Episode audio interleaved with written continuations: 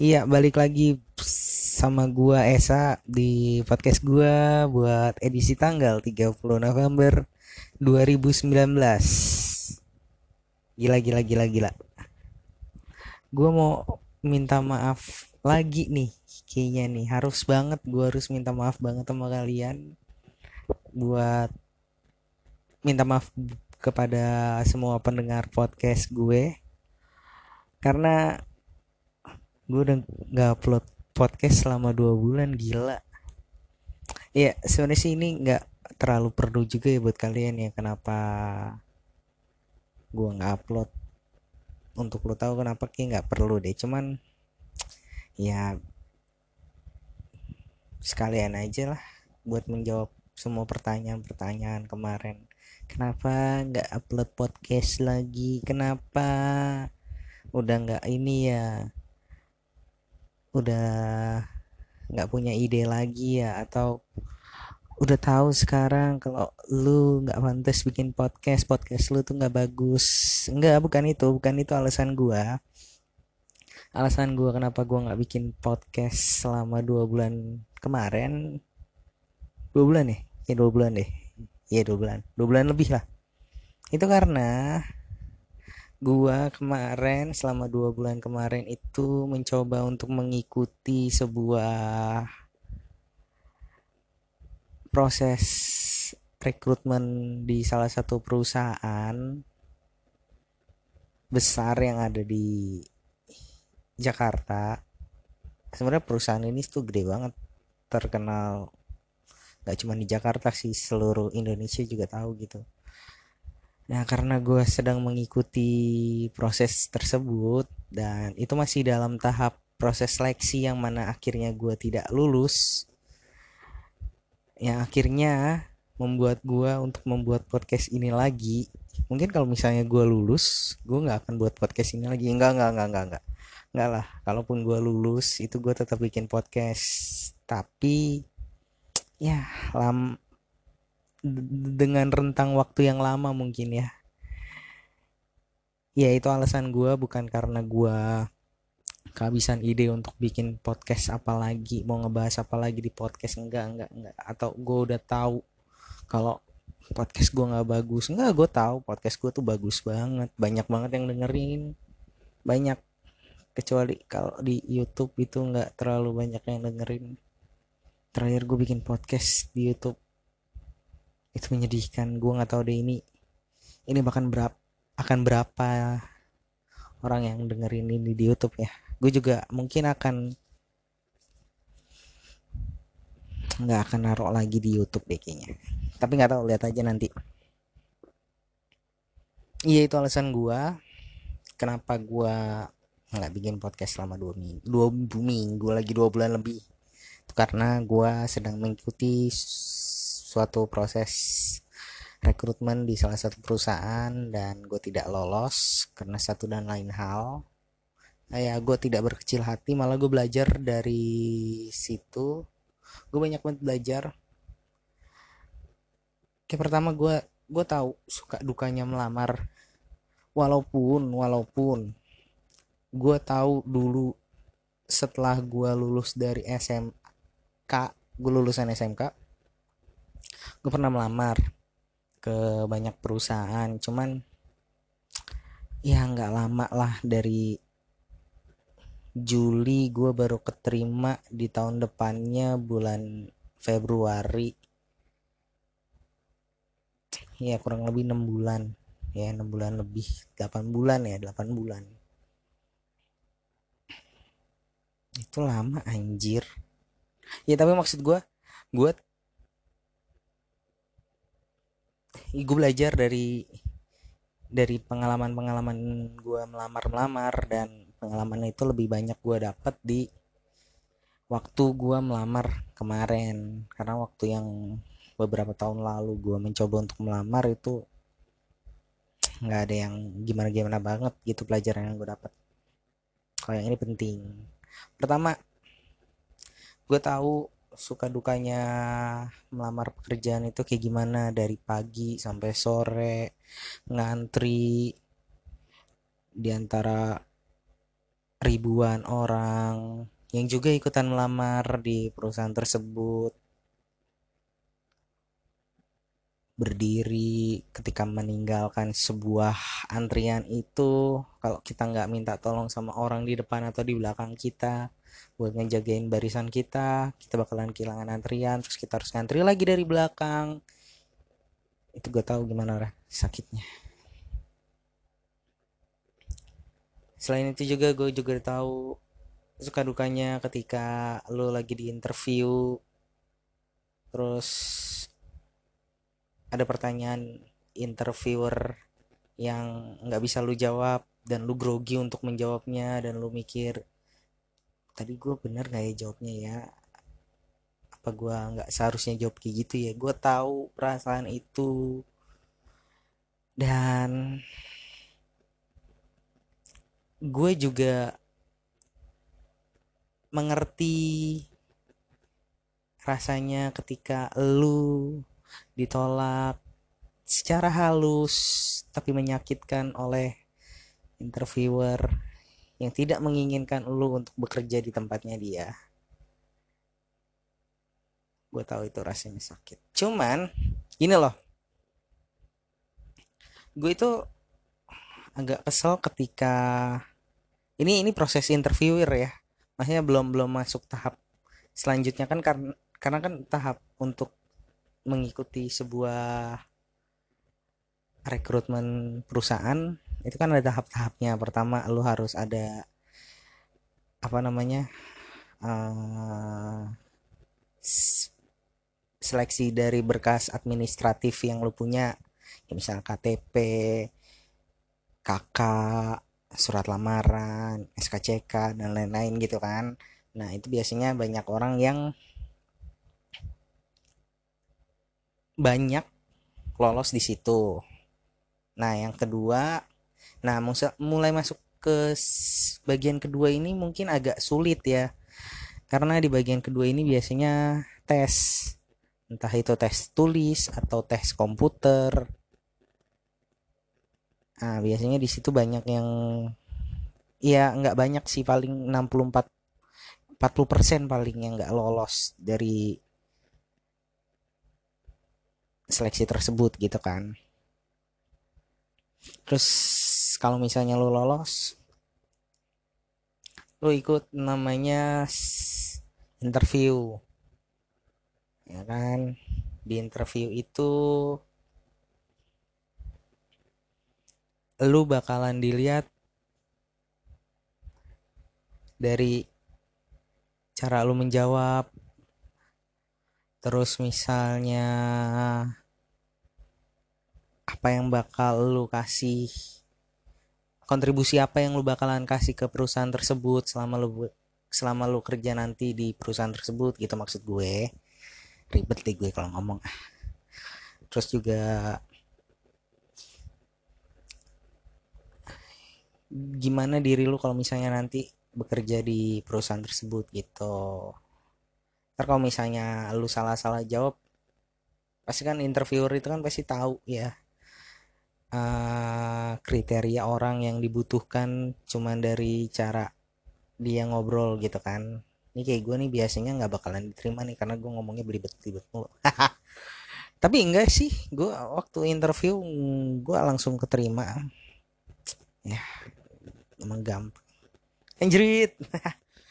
Terus setelah lolos dari interview biasanya lu bakalan ngikutin yang namanya tes kesehatan yang mana kalau misalnya tes kesehatan itu meliputi ada tes darah, tes urin, tes tinggi badan, tes berat badan.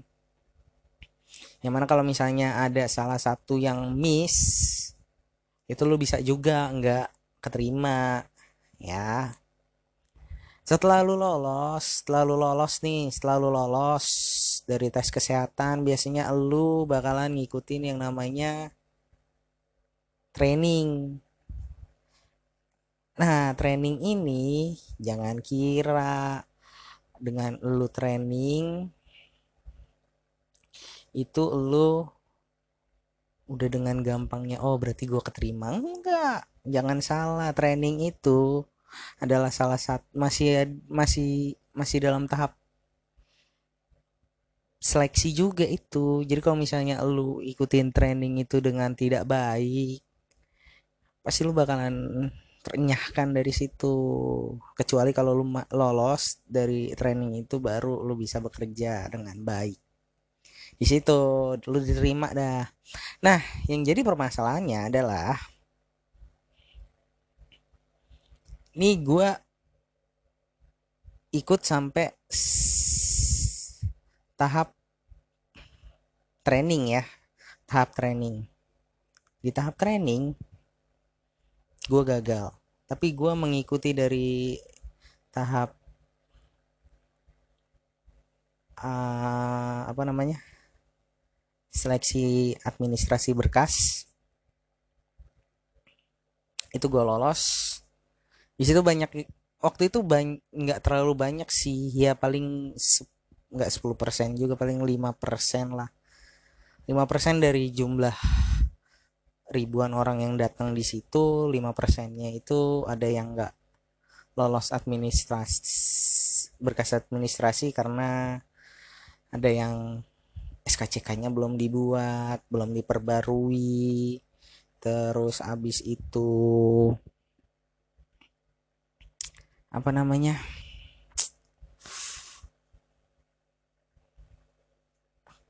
KTP-nya belum difotokopi lah. Banyak deh.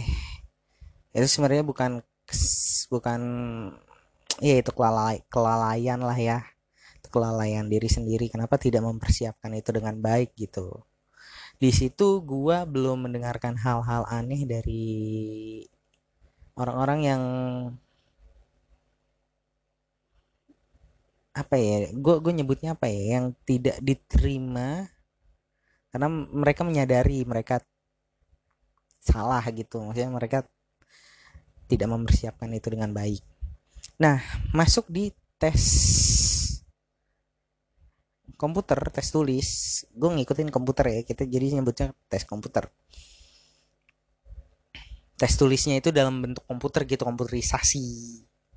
Kayak UN lah UNBK yang tadinya UN cuman kertas jadi UNBK gitu UN berbasis komputer. Ah gue gue mengikuti tes itu. Nah di tes itu hampir 40% dari jumlah yang ada nggak lolos karena nilainya tidak mencukupi. Dari yang sudah ditentukan. Itu juga gue nggak belum dengar kata-kata yang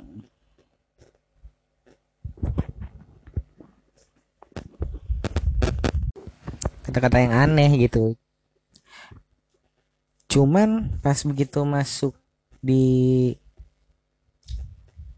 Enggak sih, gue gue udah udah agak sedikit mulai mendengar sih sebenarnya gue ralat deh. Gue ralat di di di sesi ini gue mulai banyak mendengar hal-hal bukan hal-hal kata-kata yang agak kurang gimana gitu.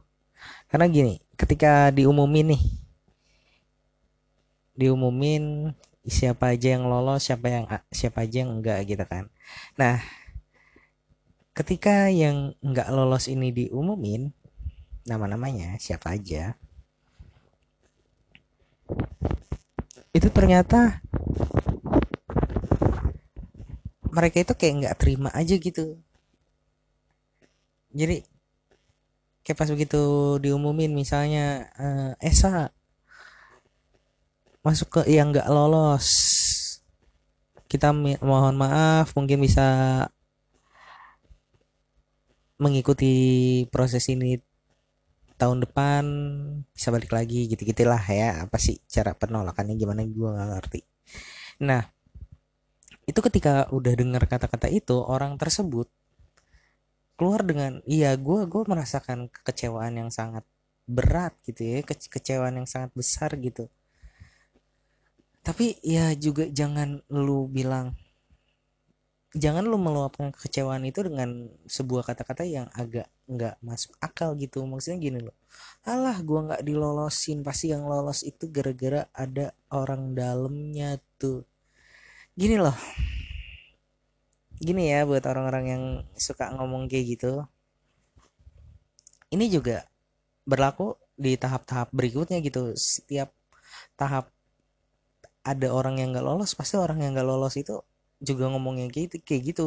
Gua ketika gua nggak lolos di tahap training seleksi training itu gua nggak nggak berpikiran oh pasti yang lolos tuh pasti ada orang dalamnya tuh. Enggak enggak enggak.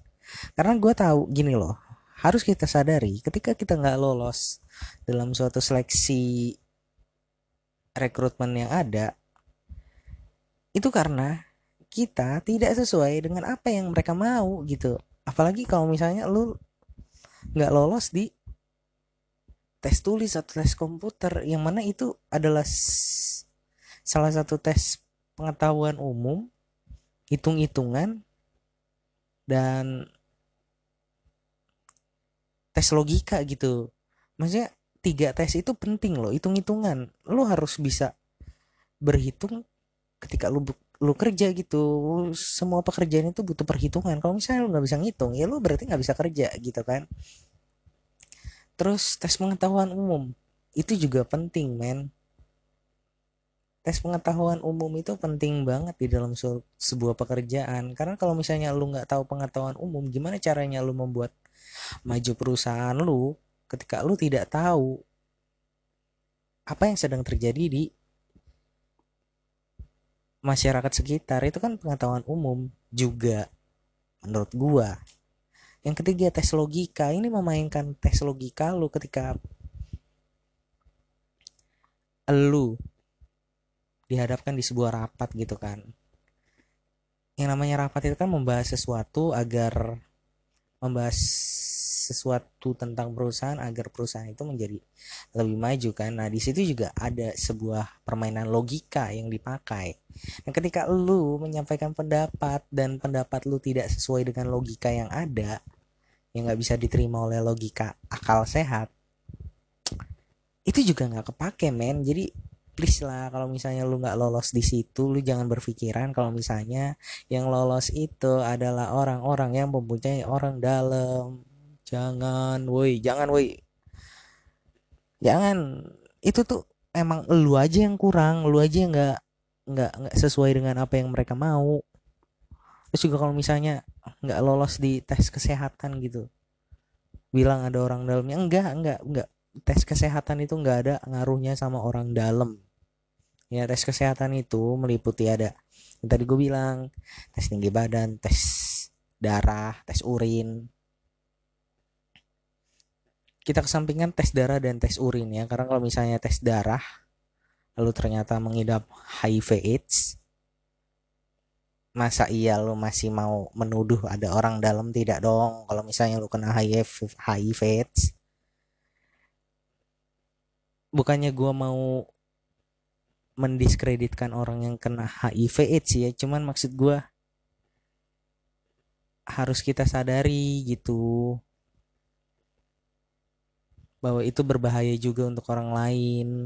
Ya walaupun juga tidak seharusnya kita menjauhi orang lain yang terkena penyakit HIV AIDS gitu atau misalnya tes darah selain HIV AIDS itu karena di darah lo ada sebuah cairan narkoba yang lo pakai itu juga bukan pengaruh dari orang dalam itu nggak ada. Masa lu pakai narkoba karena orang dalam? Enggak enggak enggak tes urin juga sama gitu kan.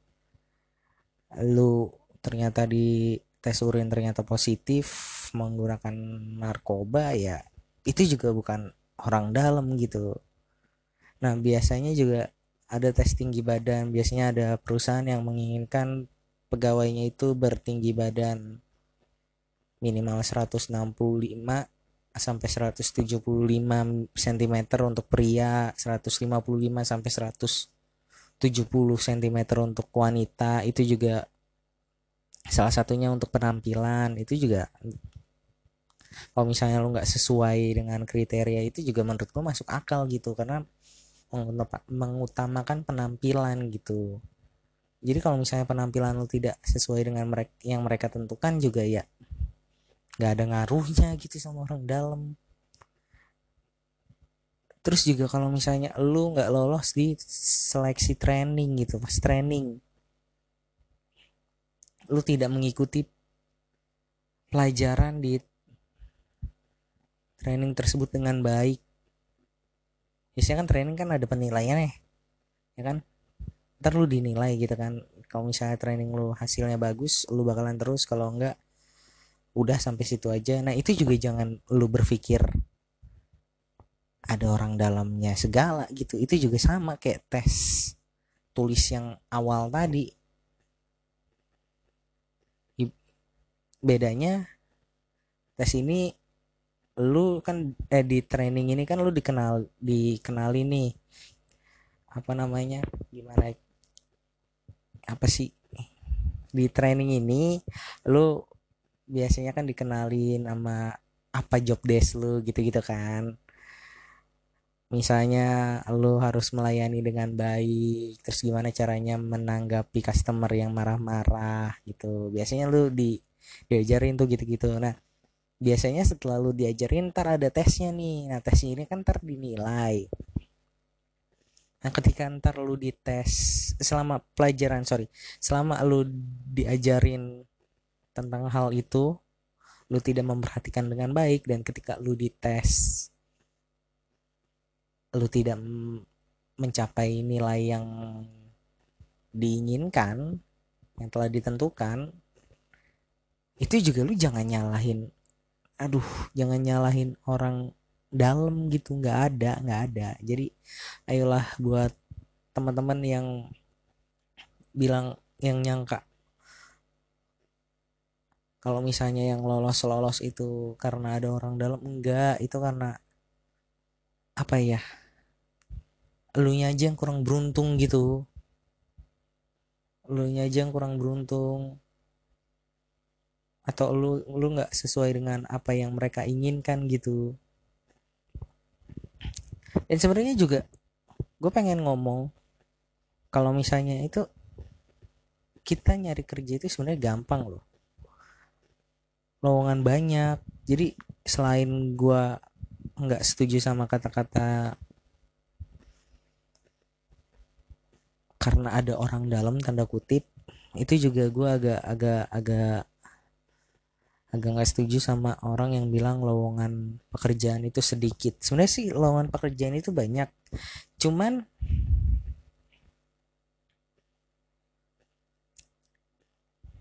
lu bisa bilang itu sedikit karena nggak sesuai sama kompetensi lu nggak sesuai sama keahlian lu.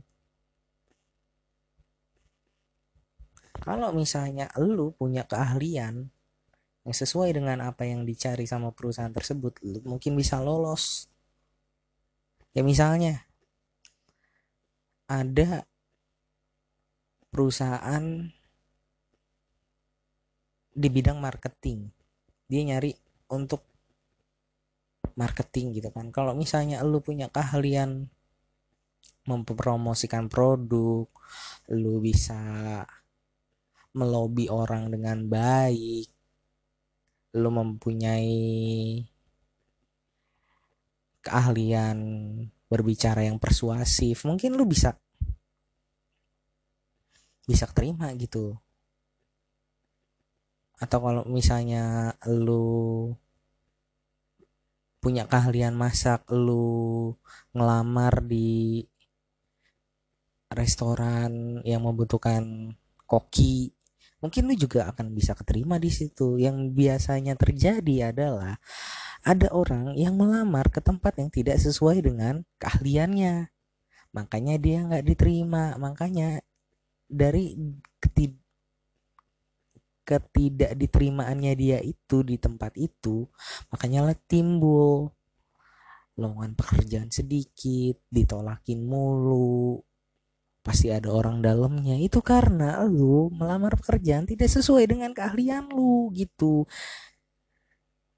Jadi menurut gua harusnya lu kalau misalnya mencari pekerjaan itu yang sesuai dengan keahlian lu. Ya mungkin banyak yang udah tahu ini cuman banyak juga yang tidak menyadari menyadari ini dengan alasan ya kan gue bisa. Kalau misalnya gue ngelamar di situ terus gue keterima kan gue bisa belajar dan siapa tahu gue jadi punya keahlian itu. Kenapa lu harus berpikir bisa belajar setelah diterima? Kenapa nggak lu mikir? Lu belajar sebelum lu diterima di kerjaan itu. Gitu loh ngerti nggak maksud gue jadi lu belajar dulu nih apa keahlian yang lu pengen punya gitu. Jadi ketika entar ada lamaran yang mungkin nggak nggak yang nggak nggak sama dengan latar belakang pendidikan lu misalnya lu lulusan hukum tapi lu bisa masak. Lu jago ngomong. Lu bisa mempromosikan barang. Nggak menutup kemungkinan lu bisa masuk ke marketing mempromosikan produk. Atau lu ngerti tentang penjualan lu bisa masuk retail. Atau misalnya lu akuntan basic lu akuntan. Tapi lu punya keahlian di bidang mesin gitu teknik mesin. Karena lu misalnya otodidak bisa ngerti mesin siapa tahu lu bisa kerja di pabrik.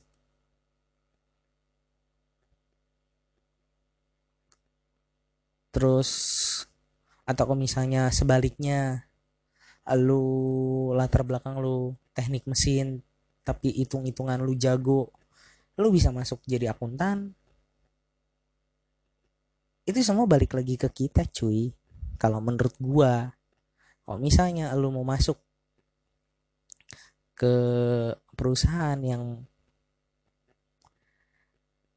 sesuai dengan keahlian lo ya udah masuk aja gitu. Jangan lu masuk ke yang enggak sesuai dengan keahlian lu. Dengan dalih kan bisa belajar pada saat kerja di situ. Hanya sedikit perusahaan yang mau kayak gitu. Sedikit sedikit banget. Sedikit. Sedikit. Bahkan kalau gue mau bilang nggak ada juga nggak mungkin sih. Ada sih tapi sedikit. Nggak banyak. Jadi kalau emang lu mau kayak gitu lu belajar dulu. Lu pelajarin dulu keahlian di luar bidang lu gitu. Di di luar latar belakang pendidikan lu. Kalau menurut gue sih gitu sih karena keahlian itu sangat penting loh. Banyak kok yang sukses di luar latar belakang pendidikannya mereka. Sebut aja kayak Panji Pragiwaksono. Dia lulusan desain produk ITB dia sekarang jadi apa? Stand up comedian rapper pembicara beda banget sama latar belakang pendidikannya. Raditya Dika. Ilmu politik UI sekarang jadi stand up komedian sutradara film pemain film. Itu jauh beda cuy. Jauh beda sama latar belakang pendidikannya. Jadi ayolah buang kata-kata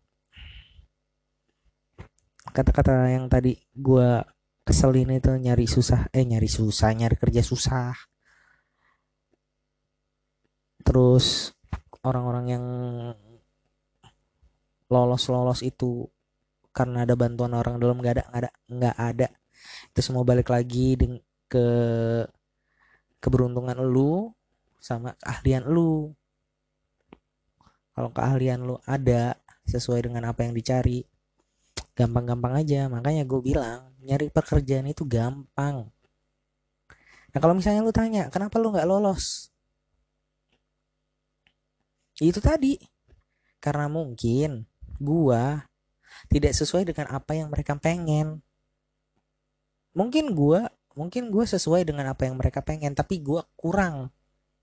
Ya kalau kurang ya mereka mau gimana kurang nggak bisa gitu ya. Ya udah terima dengan lapang dada dan ya udah cari kerja yang lain. Lagi juga lu gimana ya maksud gue? Gue ngomong gimana ya? Kita nggak usah lah terlalu mikir untuk kerja sama orang lain. Coba kita usaha gitu bikin usaha yang tidak perlu memikirkan latar belakang cuman modal lu punya modal uang dan gimana cara lu memanage usaha lu itu. Udah gitu doang sih bikin usaha. Maksudnya nggak sesimpel itu juga sih maksud gue lu punya modal lu punya tujuan-tujuan yang lu pengen buat di dalam peru, apa namanya usaha yang lu ingin buat gitu kan. Terus perencanaan yang matang. Ya pokoknya gitu-gitu deh. Itu menurut gue lebih enak gitu daripada lu harus melamar pekerjaan. Terus kalau misalnya lu nggak diterima lu sakit hati dan lu bilang nyari kerja susah apalagi lu bilang orang-orang yang lolos itu punya orang dalam mendingan nggak usah deh nggak usah ikut. Kayak gitu kan mending lu bikin usaha sendiri. Buat usaha lu sendiri. Jadi wirausaha aja. Ya. Dengan yang bagus-bagus aja gitu menurut gua. Kalau misalnya lu bikin bikin usaha sesuai dengan latar belakang pendidikan lu atau keahlian lu misalnya lu ngelamar pekerjaan di tempat lain gak, nggak diterima ya udah lu pakai keahlian lu untuk menjalankan usaha udah gitu aja. Ini udah panjangan paling gitu aja dari gua misuhan gua hari ini. Yang terangkum selama yang terangkum selama dua bulan terakhir gue alamin kurang lebihnya gue mohon maaf. Kalau misalnya ada kata-kata yang kurang berkenan mohon dimaafkan karena gue hanya manusia yang tak luput dari hilaf dan salah kata. Kalau itu emang ada gue minta maaf. Ya kurang lebihnya gitu aja mohon maaf sekian dari gua. Gua nggak mau janji sih gua nggak mau janji deh sekarang kalau misalnya gua mau bikin podcast kapan. Pokoknya kalau gua sempat gua bikin podcast. Kalau enggak ya udah. Tapi yang pasti sampai ketemu lagi di episode berikutnya. Yang pasti ada pasti ada. Ya walaupun lama juga ya pasti adalah ya. Dadah